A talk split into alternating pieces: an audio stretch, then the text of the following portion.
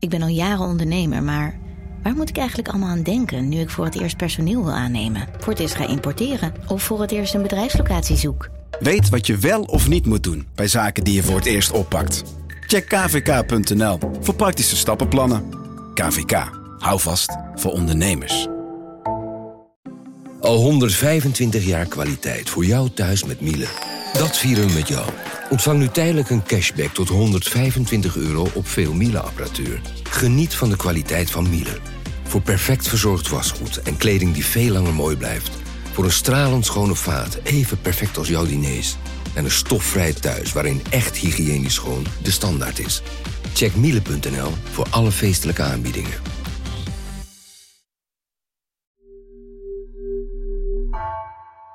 Ik denk eeneiig. En waarom? Omdat ze wel erg veel op elkaar lijken. Ja, ze lijken wel echt veel meer op elkaar dan we voordat ze er waren hadden gedacht. Ja. Even kijken, moet ik openmaken? Niet aan de kant waar het bolletje zit. Oké, één wattenstaafje. Moeten vier per persoon. Nou, niet doe jou eerst. Komt ie, doe je mond maar open. Beetje sabbelen, ja. Nou, Vera, nu jij, mond open. Gek hè? Nu hebben we het. Twee envelopjes. Nou, overige postcodes. Oké, daar gaat hij. En weg is die. Welkom, wij zijn Onbehaarde Apen. Dit is een podcast van NRC over wetenschap.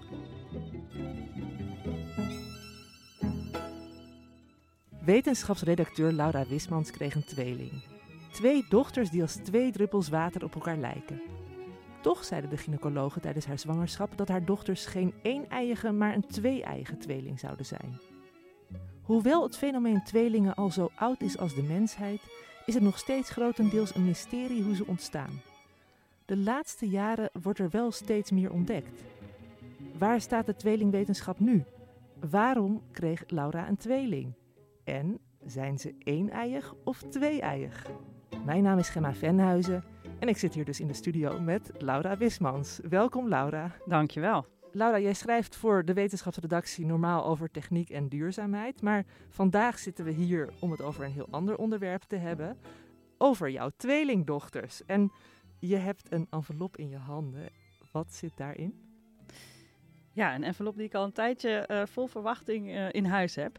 Dit is de uitslag van een DNA-test. Je hoorde net dat ik eh, wangslijm bij mijn tweeling afnam. En in deze brief staat of mijn nu eenjarige dochters Nina en Vera een een-eiige of een twee-eiige tweeling zijn. En de envelop zit nog helemaal dicht. Je hebt nog niet gespiekt. Ik Je heb weet... nog niet gespiekt, mijn handen jeuken. Nee, dus je weet al een jaar eigenlijk niet of je een een-eiige of een twee-eiige tweeling hebt. Klopt. Nee, het is wel een vraag die, die iedereen ons stelt. Van echt voorbijgangers in de supermarkt tot onze naaste familie. En eh, ja, het fascineert dus eigenlijk iedereen die, die wij tegenkomen. En we zijn zelf ook heel nieuwsgierig natuurlijk. Hoe komt het dat je dat niet weet? In, in, in, hè, ik bedoel, ik weet niet heel veel over tweelingen, maar ik dacht altijd van, oh, dat, dat hoor je gewoon bij de geboorte wel. Van, oh, gefeliciteerd, u hebt een één-eiige, dan wel twee-eigen tweeling. Nou, ik, voor mij, het verbaast mij ook wel dat dat zo eh, onduidelijk is. Maar het- in dit geval komt het door een combinatie van mijn zwangerschap en onze familieachtergrond. Misschien goed om dat dan even die achtergrond te schetsen. Want op 1 januari 2021 ontdekte ik dat ik een tweeling verwachtte. Eh, dat zagen we op een echo en ik was toen iets meer dan zes weken zwanger. Heel pril dus nog. Er waren twee kloppende hartjes te zien en zij lagen best wel uit elkaar in de baarmoeder. Dus een, een groot tussenschot en ze hadden een eigen vruchtzak en een eigen placenta. Ehm, een twee-eiige tweeling werd op basis daarvan meteen gezegd. En later nog eens eh, door ook andere gynaecologen die naar die echo keken. En dat leek me ook heel logisch, gezien mijn eh, familie aan mijn moeders kant. Want daar zijn al drie andere tweelingen. Dus nu hebben jullie vier tweelingen in één familie. Dat klinkt haast als meer dan toeval. Ja, ja, je vermoedt toch dat het iets erfelijks eh, eh, dan in het spel is. En ja, ik wist al, die twee-eiige variant, dat is de erfelijke. En de één-eiige, eh, dat is toeval. Die andere tweelingen zijn al wat ouder, neem ik aan. Ja. Lijken die ook heel erg op elkaar dan? Of? Ja, enorm. Maar zij weten ook niet zeker of ze een één-eiige of twee-eiige tweeling zijn. Want uh, ja, één-eiige tweelingen die komen uit één gedeelde eicel en die hebben identiek DNA, die lijken dus heel erg op elkaar. Twee-eiige tweelingen komen uit elk een eigen eicel en lijken dus in principe net zoveel op elkaar als gewone broers en zussen. Um, dus ja, die gelijkenis, dat maakt dat heel twijfelachtig. Maar um, ja, voorlopig gingen wij voor onze baby's, die, die toen nog in onze buik, of in mijn buik zaten, niet onze buik, gingen we ervan uit dat zij uh, twee eigen waren. Want dat paste bij wat we zagen op de echo en het is erfelijk. En nou ja, toen werd het eind juli uh, vorig jaar, toen werden ze geboren. Ja, en ja, toen leken ze toch wel heel erg op elkaar. En ik leerde toen dat er toch een paar procent kans is dat ze uh, toch één-eiig zijn, ondanks hun positie in de baarmoeder. En nu, uh, ja, we zijn inmiddels dus een jaar later, lijken ze nog steeds ontzettend op elkaar. En al verschillen ze ook heus wel hoor. Ik zie als ik uh, goed kijk heus wel aan hun uiterlijk wie wie is. en ook aan karakter zijn ze echt wel, wel anders.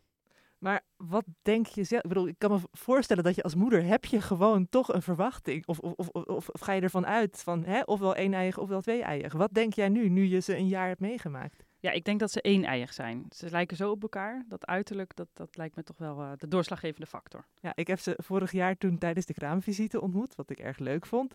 Um, ik heb met ze allebei ook op schoot gezeten en ik kon ze echt gewoon totaal niet uit elkaar houden. Het was toen dat ze een ander kleur pakje aan hadden. Ja, uh, dat doen we vaak. Maar goed, dat, hè, misschien ben ik gewoon ook niet zo'n baby-expert. Maar ik, ik was er wel van onder de indruk hoe sterk ze op elkaar leken.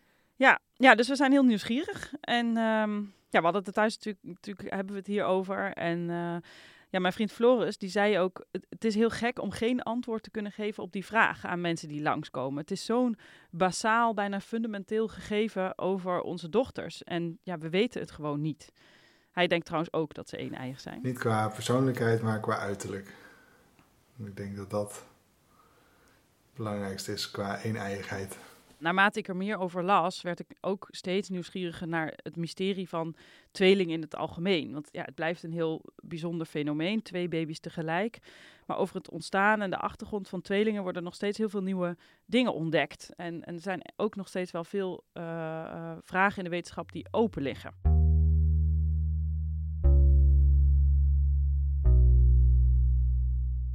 Ja, nou over die ontdekkingen en vragen gaan we het uh, vandaag ook uitgebreid hebben. Maar ik vraag me nog even af. Hè. We hebben nu steeds dat woord nieuwsgierigheid is al een paar keer gevallen. Uh, speelt er nog meer mee voor jou? Maakt het je nog uit of ze één of twee eiig zijn? Zou je anders tegen je dochters aan gaan kijken? Ja, dat weet ik niet. Op zich, ze zijn natuurlijk wie ze zijn. Dat verandert niet. Um, maar ik kan er wel ja, best wel over piekeren over dingen. Waar, waar doe je nou goed aan? Um, ga je ze juist stimuleren om dingen apart te doen of juist niet? En ik denk dat dat wel uitmaakt als we weten of ze één of twee eier zijn. Dus stel ze zijn één eier, kan ik me voorstellen dat je juist stimuleert dat ze ook zich als aparte persoon ontwikkelen. Terwijl als ze twee eier zijn, gaat dat misschien wat meer vanzelf. Dus dan maak je daar wat, uh, wat minder druk om. Dus dat soort dingen uh, denk ik wel dat dat invloed gaat hebben. Maar goed, ja, ik weet het niet. Ik ben gewoon heel uh, uh, ja, benieuwd wat het gaat doen ook als we dit straks weten met ja, ons. Nou, we nemen vandaag een duik in de biologie en de genetica en gaan mee op jouw zoektocht naar de vraag waarom jij een tweeling hebt gekregen. En ik zie jou de hele tijd met die envelop zitten en een beetje zo aan die randjes al frunniken. Dus geef hem aan mij, dan uh, bewaar ik hem eventjes hier netjes naast mij. En aan het eind van de aflevering gaan we hem openmaken, goed? Yes.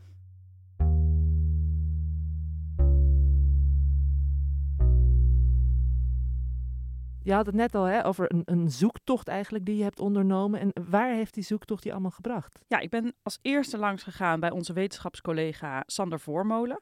Die schrijft vaker over tweelingen en die, die volgt dit wetenschapsnieuws hier omtrent al langer. Um, daarna ben ik ook bij twee nichten van mij geweest, die ook tweeling zijn, om te horen wat het nou betekent om een tweeling te zijn. En ik mocht ook langskomen bij twee onderzoekers van de VU, waar al 30 jaar onderzoek wordt gedaan naar tweelingen. En uh, ja, die doen ook echt wereldvermaarde uh, ontdekkingen op dit gebied. Dus het kloppend hart van het tweelingonderzoek dat bevindt zich in Amsterdam. Ja, leuk hè? Lekker dichtbij. En hoeveel tweelingen worden er eigenlijk geboren, om maar even met een basale tweelingvraag te beginnen? Ja, nou dat heb ik even opgezocht uh, uh, bij het CBS. Elk jaar worden op de hele wereld nu zo'n 1,6 miljoen tweelingen geboren. En 1 op de 42 geboren kinderen maakt deel uit van een tweeling. Daar is vorig jaar groot onderzoek over verschenen. Wereldwijd dus. Wereldwijd, ja. In Nederland ligt dat wat lager.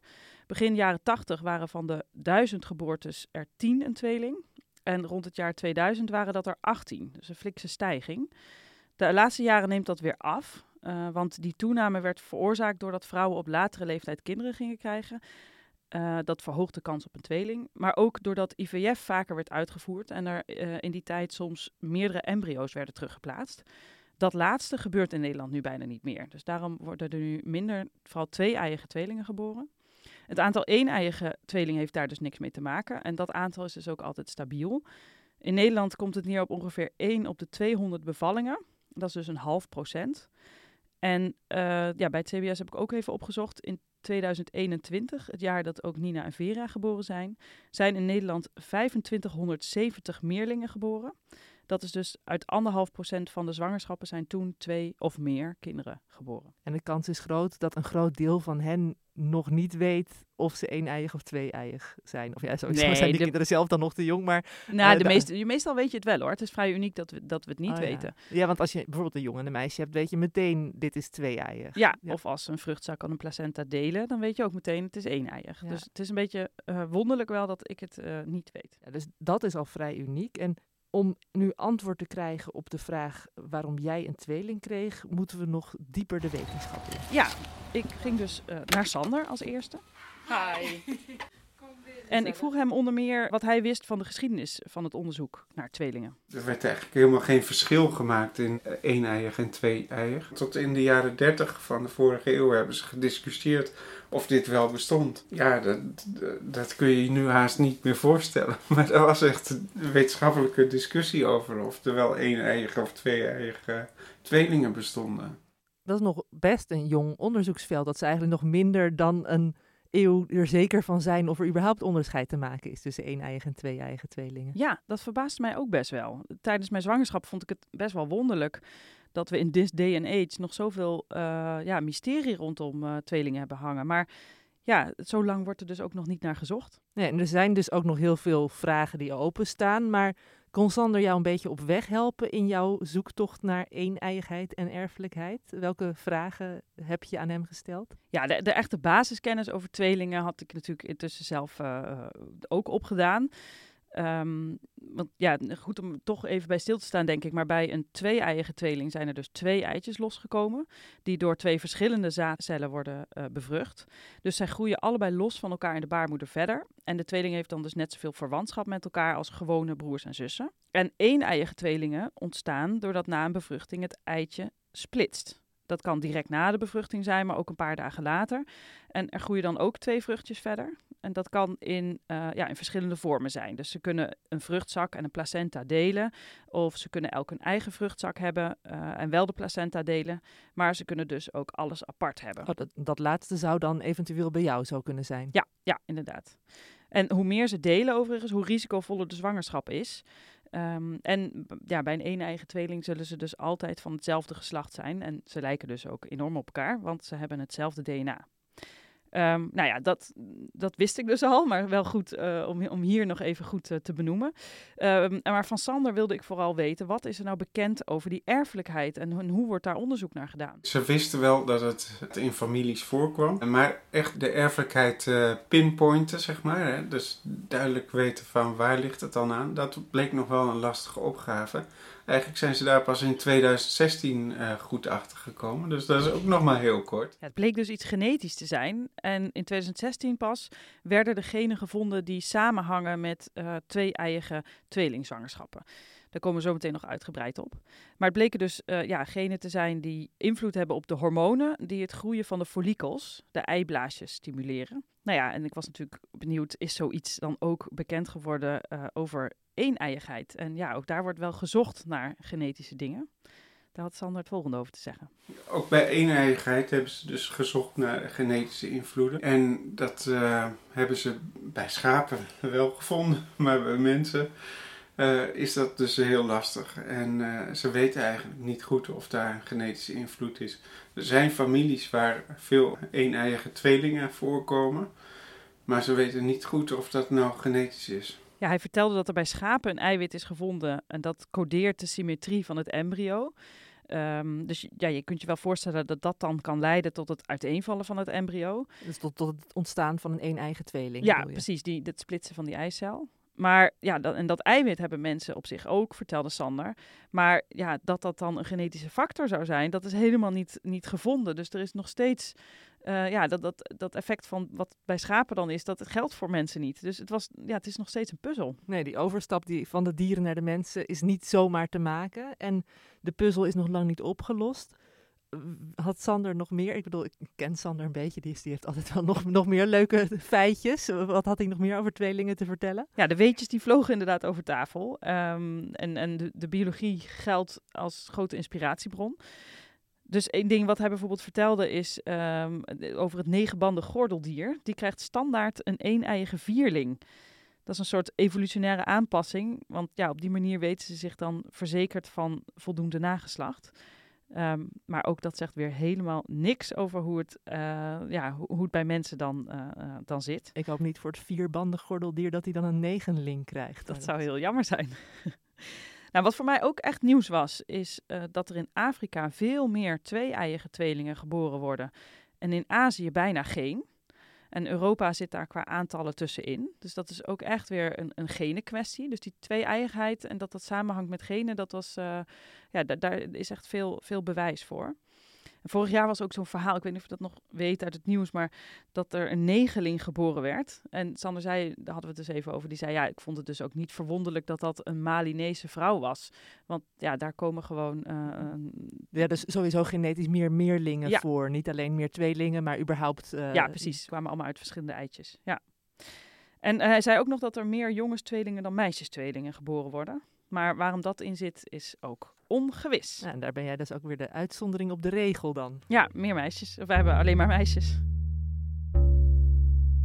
Ik heb nu een heleboel fascinerende feiten over tweelingen gehoord. Maar even weer terug naar jouw tweeling. Eh, hoe ging je zoektocht verder? Ja, ja, dat biologische en genetische is heel interessant. Maar voor ons speelt ook nog heel erg mee van ja, hoe is het om een tweeling te zijn? En wat betekent dit voor het leven van Nina en Vera? En hebben wij als ouders daar, daar invloed op? De keuzes die wij maken, zijn die, ja, wat, wat maakt dat uit voor hun leven?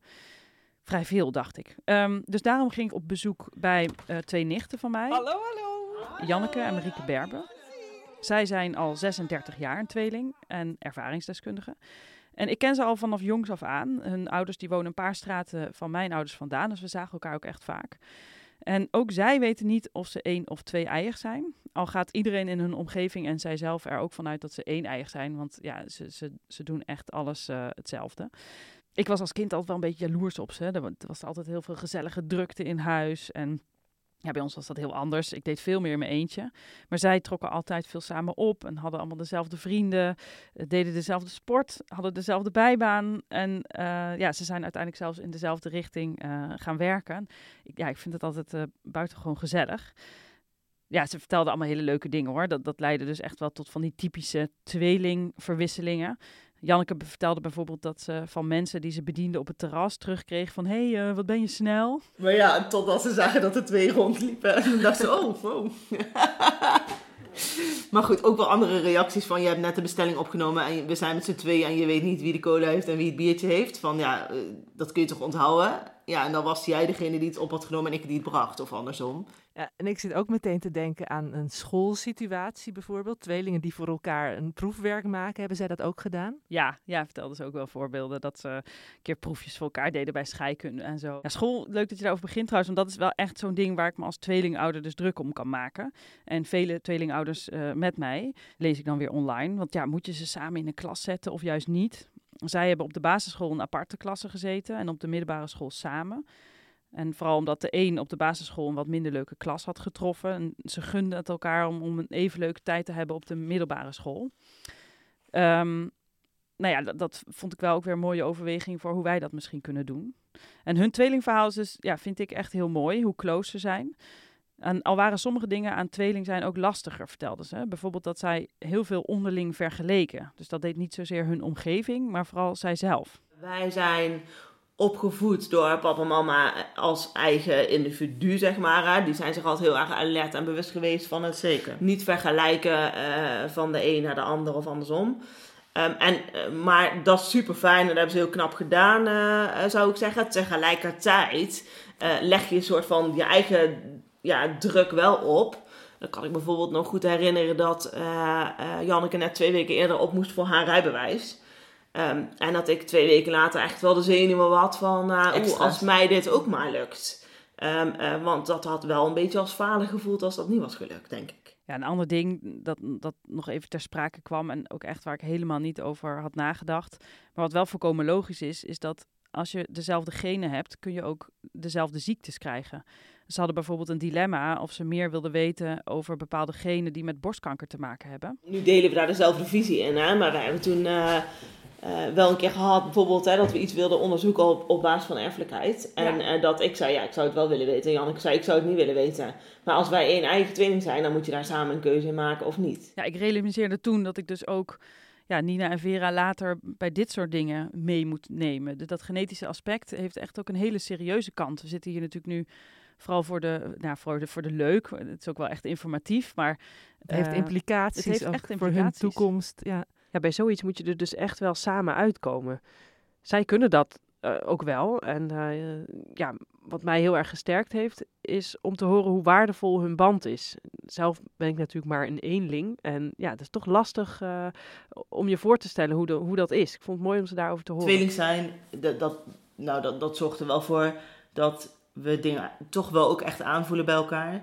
Ehm, elkaars gevoel wel kunnen overnemen. Dat als jij je niet fijn voelt of er is iets spannends, dat ik daar wel heel erg in meeleef. Dus hele grote dingen als in de vorm van een bevalling. Nou, dan kan ik eigenlijk op het werk niet functioneren. Dus eigenlijk dat je je nichten zo hoorde eh, reflecteren op hun band, op hun jeugd, dat, dat bood jou ook weer allerlei nieuwe inzichten. En met, met wat voor gevoel reed jij die avond naar huis? Ja, echt met een heel goed gevoel. Het was sowieso heel gezellig. ehm, maar eh, ja, eerder dacht ik ook veelal in, in moeilijkheden. Tijdens mijn zwangerschap ook al. Van, oh, waar doe ik nou goed aan? En welke keuzes moet ik maken voor die kleintjes?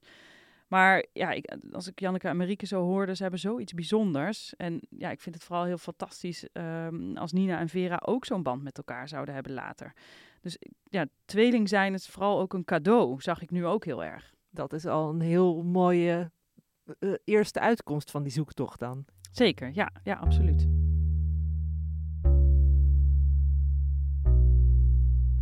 En ik zie jou ondertussen af en toe toch even gluren naar die envelop. Net zette ik mijn kopje thee even iets te dichtbij. En ik, ik zag de angst in je ogen, dus ik heb nu gauw het kopje leeg gedronken.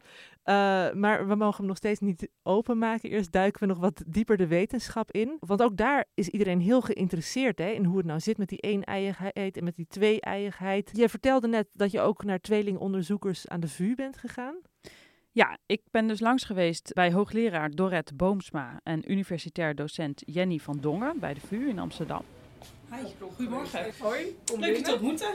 Dankjewel. En zij doen onderzoek en ook best wel baanbrekend onderzoek, mag ik wel zeggen, op dit gebied. En ja, toen ik hun benaderde, stuurde ik een foto mee van die vier tweelingen in onze familie. En zij vonden het ook interessant, want zij ja, vonden het er ook op lijken dat zij alle vier één-eiig zijn. Dus we hebben daarmee best wel een bijzondere stamboom, zeiden ze. En eh, ja, zij zijn dus echt ook bezig met, met de vragen waar, waar ik nu mee zit. Hoe werkt dat nou, die één- en twee-eiigheid? En, en hoe, hoe ontstaat zoiets? En ja, ik vroeg me natuurlijk dus ook af, hoe kan het nou dat er zoveel onduidelijk is? Dat er nog zoveel onbekend is over, ontstaan, over het ontstaan van tweelingen? Waarom, waarom duurt het zo lang voor we die kennis hebben als die vragen er al zo lang zijn? Ja, want net al zeiden, tot in de jaren 30 van de vorige eeuw was er nog enige discussie. Maar daarna was iedereen er wel over eens. Er zijn één-eigen en twee-eigen tweelingen. Inmiddels zijn we bijna een eeuw verder. En nog steeds zijn er allemaal vragen. Ja, ja, klopt. Ja, 30 jaar geleden ehm, is aan de VU, mede door Dorette, het Nederlands Tweelingenregister opgericht. Eh, dus een databank met gegevens van tweelingen om daaruit allerlei interessants eh, te kunnen verklaren. Dus aan de ene kant willen ze aan de hand van tweelingen eh, alles weten over waarom mensen in het algemeen heel erg van elkaar verschillen. Dus is iets nou erfelijk of is iets, komt iets door de omgeving? Dat is aan de hand van één-eigen en twee-eigen tweelingen goed te bekijken. Ehm, maar ook onderzoeken ze dus waarom krijgt de een een tweeling en de ander niet. Hoe werkt dat? En ja, Dorette vertelde mij dat ze ehm, ja, eigenlijk ook zelf binnen een paar jaar wel interessante uh, uitkomsten en antwoorden hadden verwacht. Maar ja, ook toen hadden ze nog helemaal niet de analyse-technieken en de computerkracht om, om antwoorden in deze enorme bak met genetische gegevens te vinden. Maar de laatste jaren gaat dit heel erg snel, dus vinden ze ook ineens allerlei spannende vondsten. Dus die 30 jaar onderzoek die begint zijn vruchten af te werpen. En wat weten ze dan nu bijvoorbeeld over twee eigen tweelingen? Ja, daar vertelde Sander me een klein beetje, maar Dorette uh, uitgebreid alles over. Zo'n ruim tien jaar geleden is er een enorme revolutie geweest in het moleculair genetisch onderzoek bij mensen. Op het moment dat we in staat waren om hele grote aantallen genetische varianten te typeren voor relatief lage kosten. En daar zijn toen in 2016 de eerste twee genen uitgerold. Allebei de genen die hebben iets te maken met FSH, het follikelstimulerend hormoon. Het eerste verwachten ze al te vinden. Dat gen heeft direct invloed op de groei van de eitjes in de follikels. En het tweede gen dat ze toen vonden, dat was verrassender. Ja, die heeft een, een niet betekenisvolle naam. Die wordt SMAT3 genoemd. Dat was een gen waar men nooit van gedacht had dat die geïmpliceerd zou zijn uh, bij de meervoudige zwangerschap. Dat is een gen wat de respons van het ovarium regelt op FSH. Ja, en als je allebei die genen hebt, dan heb je 29% hogere kans om een tweeling te krijgen. Ja, dat is dus echt flink verhoogd. Um, en binnenkort komt er ook weer een nieuw paper uit met een nieuw gevonden set tweelingbevorderende genen. Die, uh, dat onderzoek ligt nu bij peer reviewers. Hopen ze dit jaar nog te publiceren. En een derde onderzoek is ook al in voorbereiding. Dus uh, ja, er, wordt waarschijnlijk de komende jaren uh, steeds meer bekend over die twee-eiige zwangerschap en de invloeden daarop.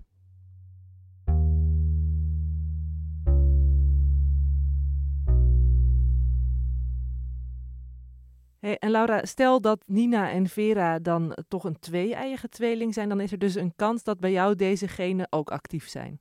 Ja, ja, precies. Maar het is niet per se zo op zich. Dus het is niet zo dat je dan altijd dit hormoon, uh, die hormonen extra gestimuleerd uh, worden. Maar het zou zeker kunnen dat dat dan in onze familie zit. Ja, ja Dorette die, die, die vertelde nu dan over de eerste twee sets en, en nieuwe papers die eraan zitten te komen. Maar ze verwachten echt in de komende jaren nog veel meer ontdekkingen hierover. Uh, dus we zullen ja, nog wel meer papers te lezen krijgen. Ja, en we hebben het dan nu over die twee-eiigheid en erfelijkheid. Maar bij jullie lijkt het erop dat er misschien toch wel veel één-eiige tweelingen in de familie zijn. Ben je meer te weten gekomen over eventuele erfelijke factoren daarin? Ja, de andere onderzoeker, Jenny van Dongen, die vertelde me alles over die één-eiigheid. Want ook daar regent het nieuwe inzichten. Een een-eigen tweeling ontstaat dus als een bevruchte eicel zich splitst. En dat het gebeurt is bij IVF bijvoorbeeld wel ook geobserveerd. Maar waarom het gebeurt is onduidelijk. Dus toeval is voor hun nog steeds de belangrijkste hypothese. Ook uh, met wat er, alles wat er nu bekend is. Maar, en hier wordt het interessant. Um, vorig jaar publiceerden zij heel bijzonder onderzoek. Want ze hebben de eerste biologische signatuur van eeneiigheid gevonden. Het blijkt namelijk dat in uh, de eiwitten die om het DNA heen zitten en die regelen welke genen aan en uitstaan, dat wordt het epigenoom genoemd. Het blijkt dat dat epigenoom bij één-eiige tweelingen een bijzonder patroon aanneemt. Dat zegt dus nog steeds niks over erfelijkheid. Maar het is wel voor het eerst dat er iets biologisch is gezien dat iets over die eeneiigheid zegt. En hoe zijn ze daarachter gekomen? Ja, dat was ook echt een fascinerend verhaal. Um, het viel op uh, bij sommige erfelijke ziekten dat er veel een-eiige tweelingen voorkwamen.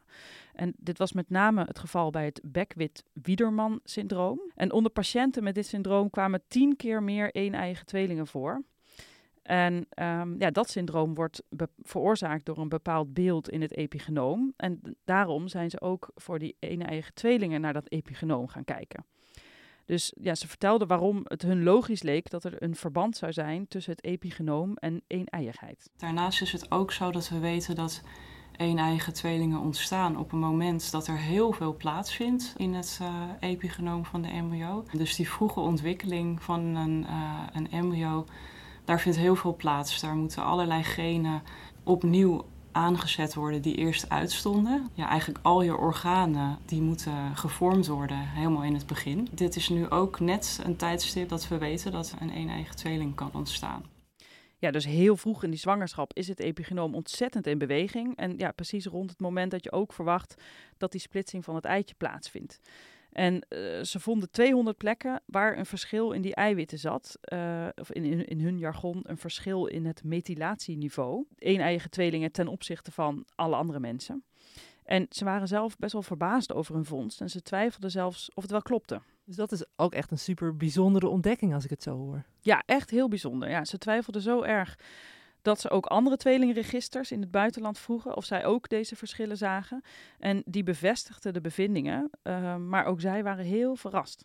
En betekent die vondst dan ook dat een-eiigheid misschien toch erfelijk is? Dat vroeg ik natuurlijk ook. Um, maar zowel uh, Jenny als Dorette zijn heel voorzichtig over zulke uitspraken. Ze noemen het echt niet meer dan de eerste gevonden biologische signatuur. En daar hebben ze ook een hele goede reden voor, vertelde Jenny mij. En dat de reden daarvoor is omdat we niet goed kunnen zeggen um, of wat wij gevonden hebben een mogelijke oorzaak is voor het ontstaan van een-eigen tweelingen of een gevolg ervan. Uh, of dat het ermee samenhangt op een manier die we misschien nog niet goed uh, begrijpen. Dus um, wat wij op dit moment niet weten is wanneer dit precies ontstaat. Dus zou dit uh, verschil in methylatieniveau al ontstaan voordat de eicel zich splitst of juist daarna? We denken in ieder geval dat het iets is wat uh, waarschijnlijk vroeg in de ontwikkeling speelt. Maar er is wel echt vervolgonderzoek nodig om nou te kijken van hoe zit het precies? En kan het ons meer inzicht geven in um, ja, waarom zo'n eicel splitst. Uh, want dat weten we eigenlijk nog steeds niet. Ja, dus hun, vondst was, was echt wel, wel van belang. Tweelingonderzoekers wereldwijd uh, vonden het heel interessant. En uh, ja, dus, meteen komt hier dan dus allerlei, komen allerlei nieuwe vragen en, en, en richtingen voor vervolgonderzoek achter vandaan.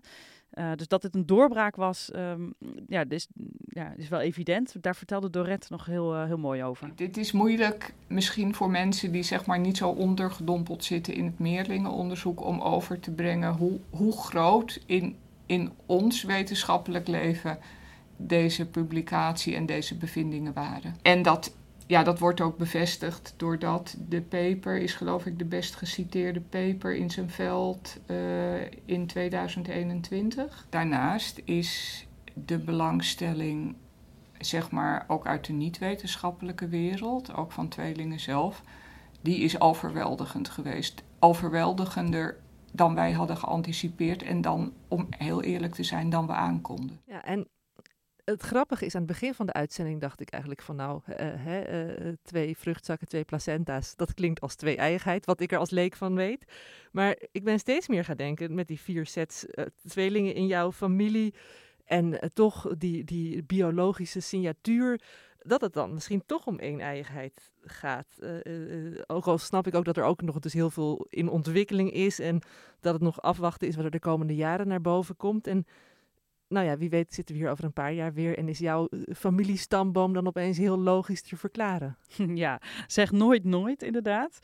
Uh, ja, ze hielden die optie wel een klein beetje open hoor in hun formuleringen. Ze willen ook echt wel gaan kijken of dat uh, mutilatieprofiel ook overerfd kan worden. In hun vervolgonderzoek dus. Maar voor nu duidt daar echt nog helemaal niks op. Um, echt toeval is nog steeds de belangrijkste hypothese.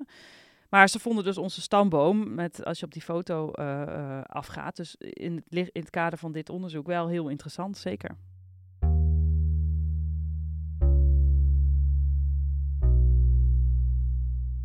Ondertussen, je noemde het net al heel even, zijn tweelingen zelf ook uh, van belang voor de wetenschap om te kijken van wat is nou erfelijk en wat niet. Uh, want daarover dus, hè, over verschillen tussen nature en nurture, worden ook veel vragen met behulp van tweelingen beantwoord. Ja, ja, precies. Dat is die andere tak van onderzoek waar, waar Dorette ook heel veel uh, mee bezig is. En waar dat Nederlands tweelingregister ook een uh, grote rol in speelt. En ze, ze verzekerden me trouwens ook dat het daarom dus net zo belangrijk is dat één-eiige tweelingen zich aanmelden als twee-eiige tweelingen. Dus uh, ik dacht, ze willen alleen één-eiige hebben, maar dat was helemaal niet zo. Ja, dus er komen gewoon heel interessante uh, uitkomsten uit. Dus nou, we, we, kennen, we weten bijvoorbeeld, de meeste mensen weten wel dat bijvoorbeeld lichaamslengte erfelijk is. Maar Dorette vertelde dat ook lichaamsgewicht erfelijk is. En uh, of je gaat roken is dan niet per se erf erfelijk bepaald. Maar als je eenmaal rookt, dan is de hoeveelheid die je rookt wel weer erfelijk bepaald. En hoe moeilijk het te stoppen is ook. Ze vertelt dat ze ook heel veel onderzoek doen uh, naar bijvoorbeeld ADHD en, en andere uh, ja, dingen waar, ja, waar je afvraagt of, of die omgeving of degene ja, van, van doorslaggevend belang zijn.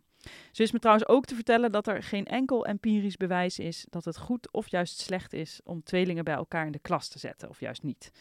Dat was dan weer een uh, heel geruststellend einde van mijn bezoek aan de VU. Ja, al weet je nog steeds niet wat je moet doen nu natuurlijk. Gewoon op je eigen, eigen gevoel afgaan. Ja, het maakt maar. dus niet uit. Dus Nee, dat, nou, uh, dat, is, dat is een, je kunt het niet fout doen. Precies, ja, fijn.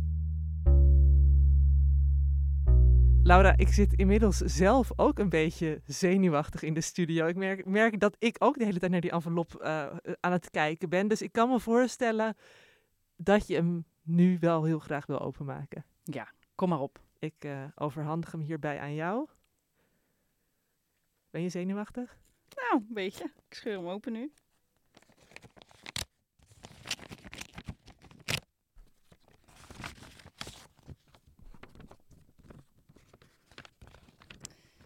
Ja, deze brief is inderdaad, hij zat in een hele anonieme envelop, maar hij is inderdaad van het DNA Diagnostics Center. Geachte heer mevrouw Wismans, DNA-onderzoek werd uitgevoerd om de zygositeit te bepalen, dat één of twee eigenheid dus.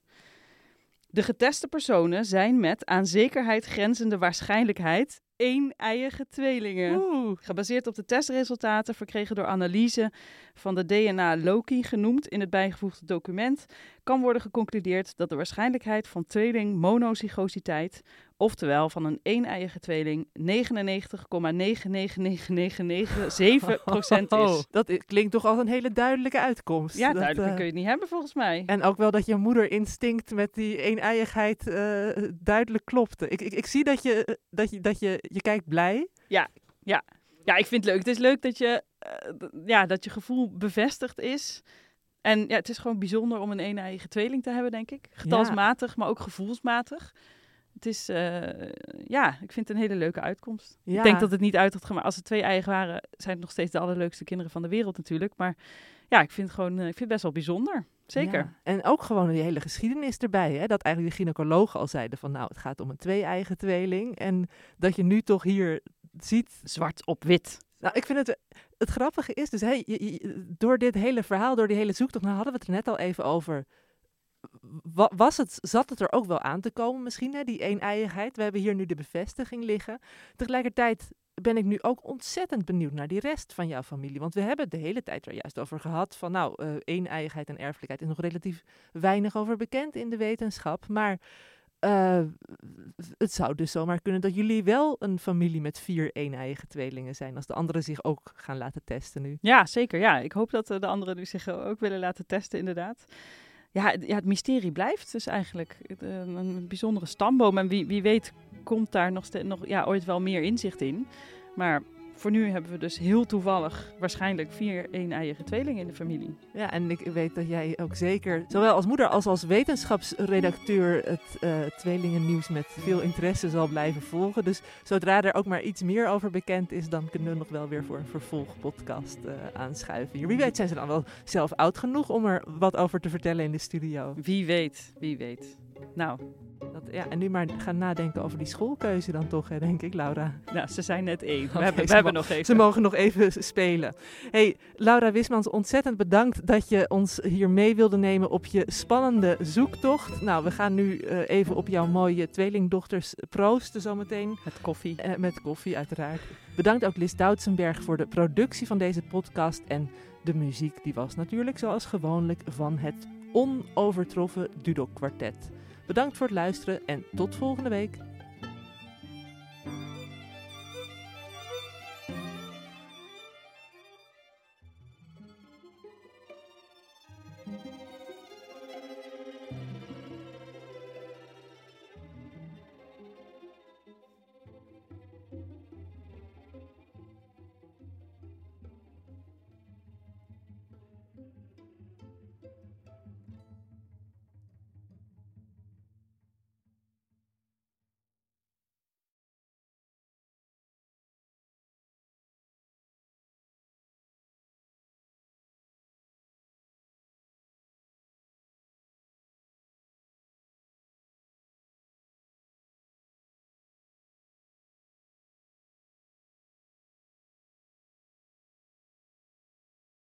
Technologie lijkt tegenwoordig het antwoord op iedere uitdaging.